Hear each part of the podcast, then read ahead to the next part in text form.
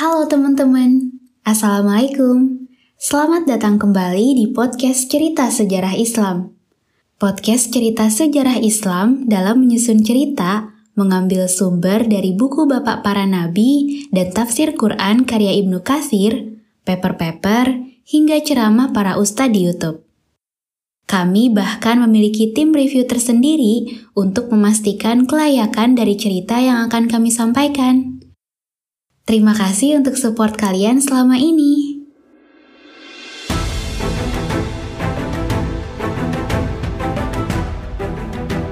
Di cerita ke-62 ini, kita masih akan melanjutkan obrolan bersama Kak Nur Fajri.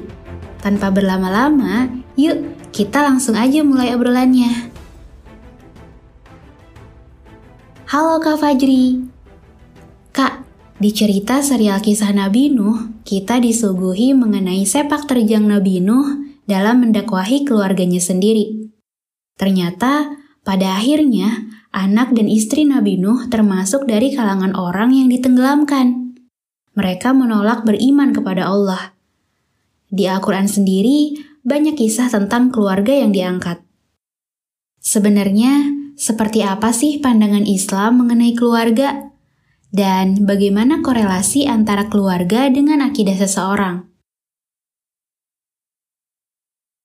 Iya, benar sekali. Memang penting ya kita bahas tentang kedudukan keluarga di sini. Apalagi ketika bahas tentang akidah, di mana keluarga ini benteng pertama akidah tiap orang. Ya, Nabi SAW dalam hadis Bukhari kan katakan Kullu bani Adam yuladu alal fitrah fa abawahu yuhawidanihi au yunassirani au yumajisanihi. Setiap orang itu lahir di atas fitrah. Orang tuanya lah yang kemudian mengubah dia dari fitrah Islam, tauhid tersebut menjadi yang lain-lain. Ini memang benteng pertama. Walaupun memang Islam tidak membatasi uh, apa pengaruh terhadap akidah itu hanya keluarga saya tidak lingkungan ada pengaruh dan seterusnya dan bukan berarti ketika orang lahir dalam kondisi di keluarganya bukan muslim terus ya sudah saya bukan muslim saja memang saya lahir dari keluarga bukan muslim enggak. Dalam Islam diperintahkan mencari kebenaran ya.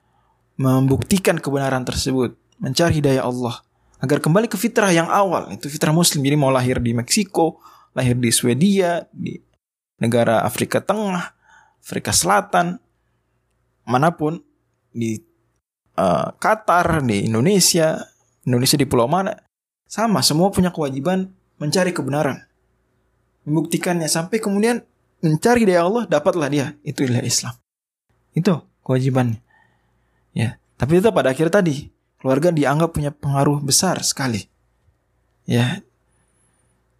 Oke.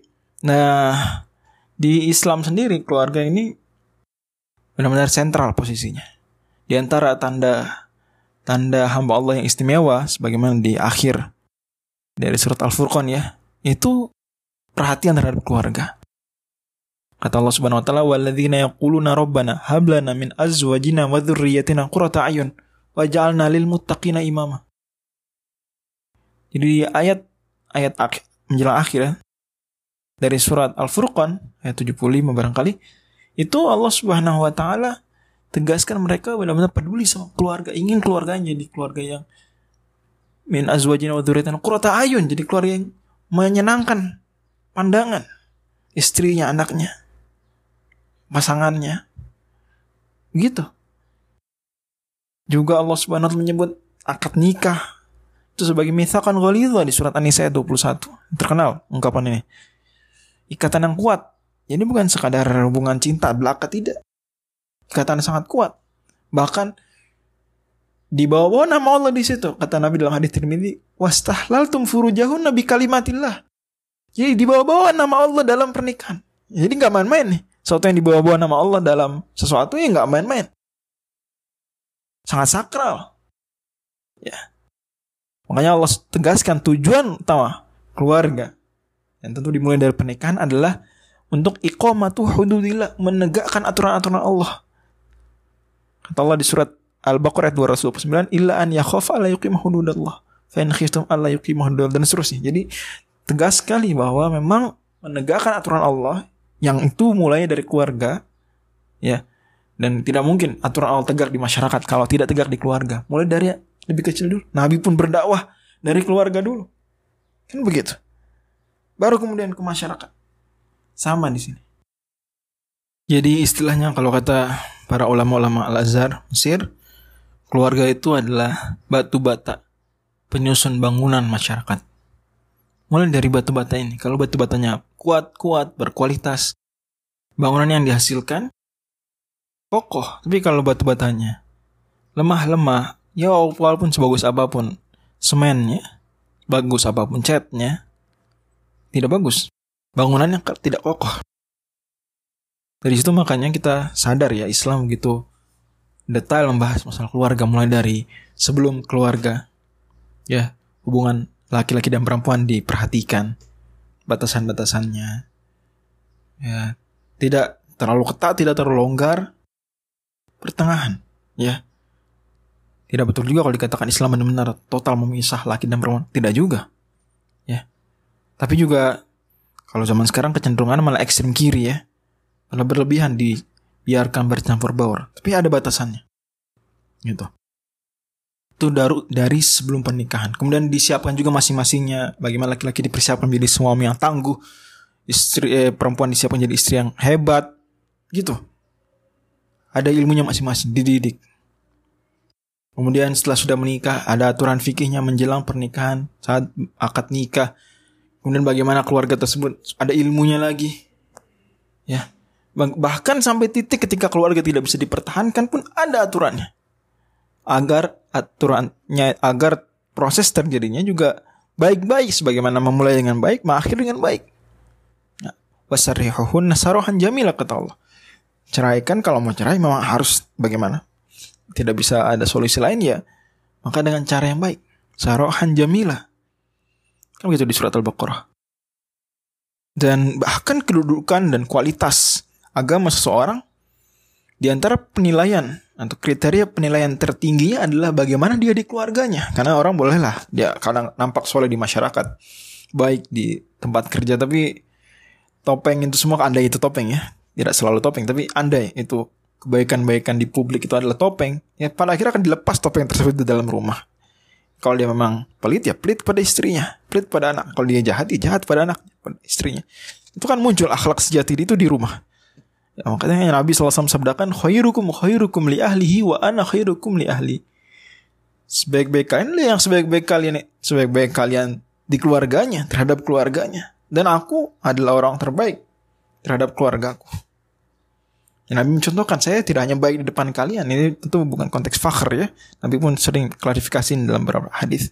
Nah, beliau teladan, beliau ini menunjukkan. Dan itu bukan klaim sepihak Nabi. Bahwa Nabi baik sama keluarganya. Banyak sekali hadis istri-istri Nabi memberikan testimoni indah tentang Nabi. Padahal ya orang itu penilaian sejujurnya dari istri. Sejujurnya penilaian terhadap istri dari suami kan begitu. Dari keluarga yang terkecil tadi. Nabi SAW ya dipuji tinggi-tinggi oleh para istri beliau. Terkenal tiga kata dari Aisyah untuk Nabi SAW. Kata Aisyah, karena khuluqul Quran. Tiga kata dari Aisyah. Testimoni tentang Nabi SAW.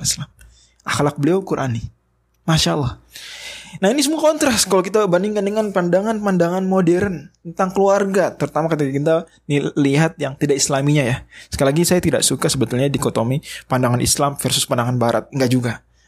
Lebih tepat pandangan Islam dengan pandangan non-Islam. Itu lebih tepat. Karena Al-Quran ya di surat An-Nur Allah bilang ajaran Islam itu petunjuk Allah itu adalah syarqiyatin wala gharbiyah. Tidak timur-timur, tidak barat-barat.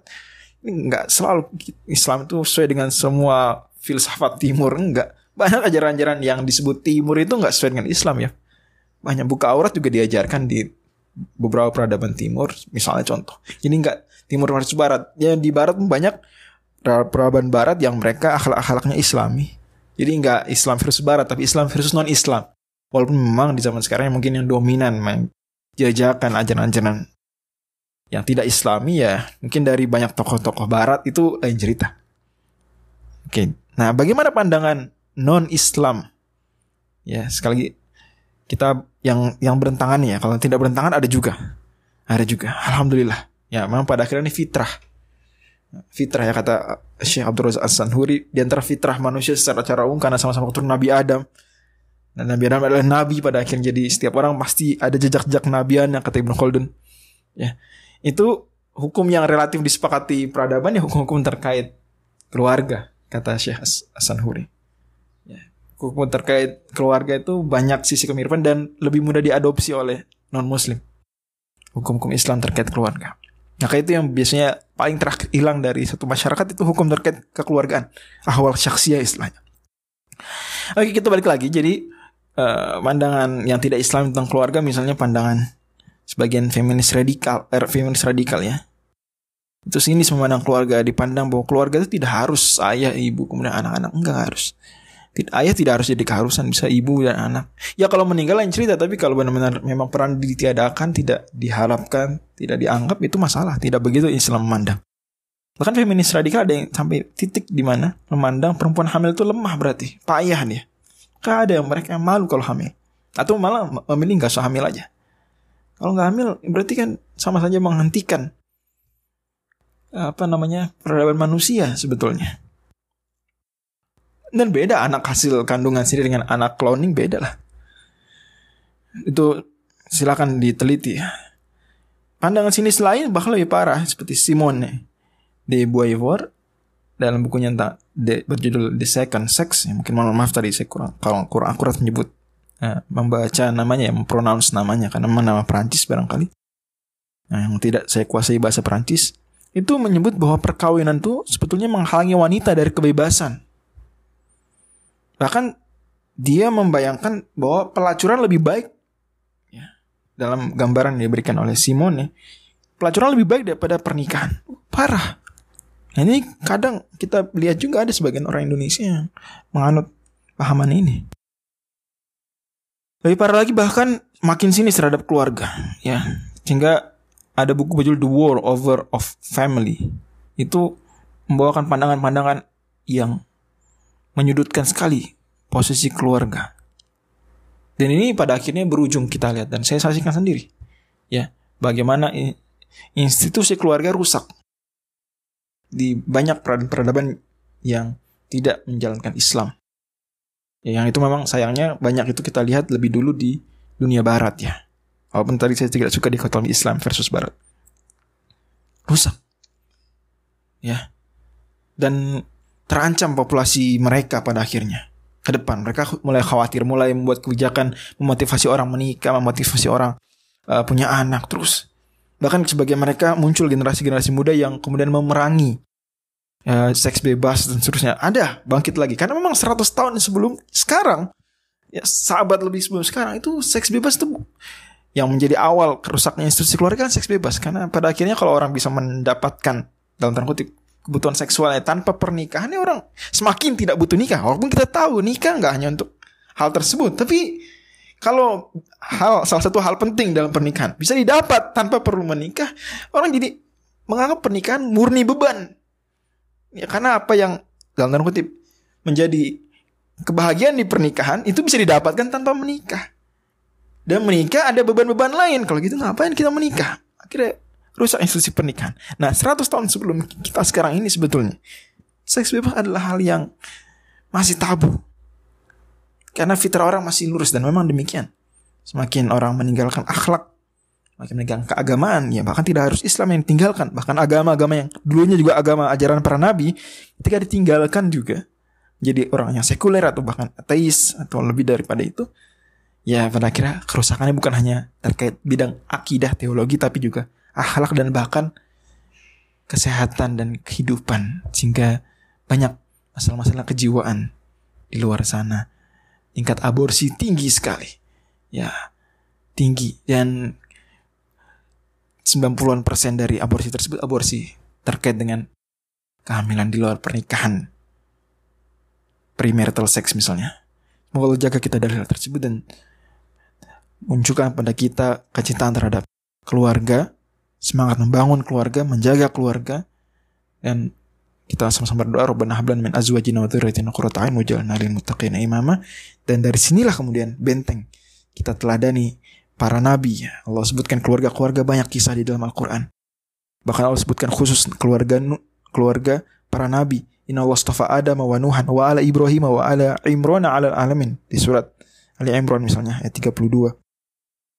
Itu potret-potret teladan keluarga juga di surat Luqman. Bahkan Luqman ya mengajarkan akidah kepada anaknya la tusyrik billah inna syirka azim gitu di surat Luqman. Jangan membuat musyrikan ini ajaran kepada anak.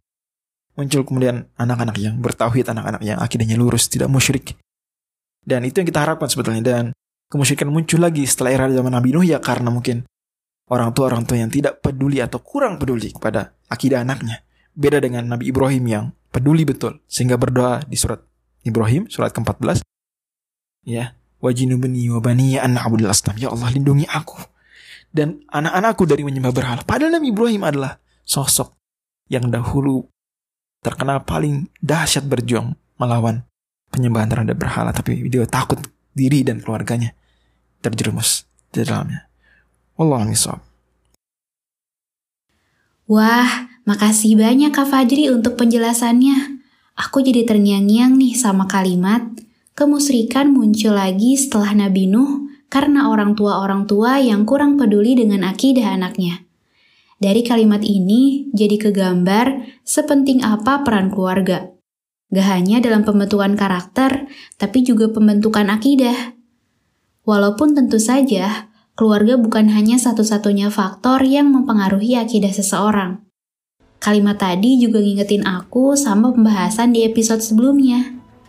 Di episode 60, kita udah sempat nyinggung kalau banyak tindakan-tindakan kemusyrikan yang didasarkan pada perbuatan nenek moyang terdahulu.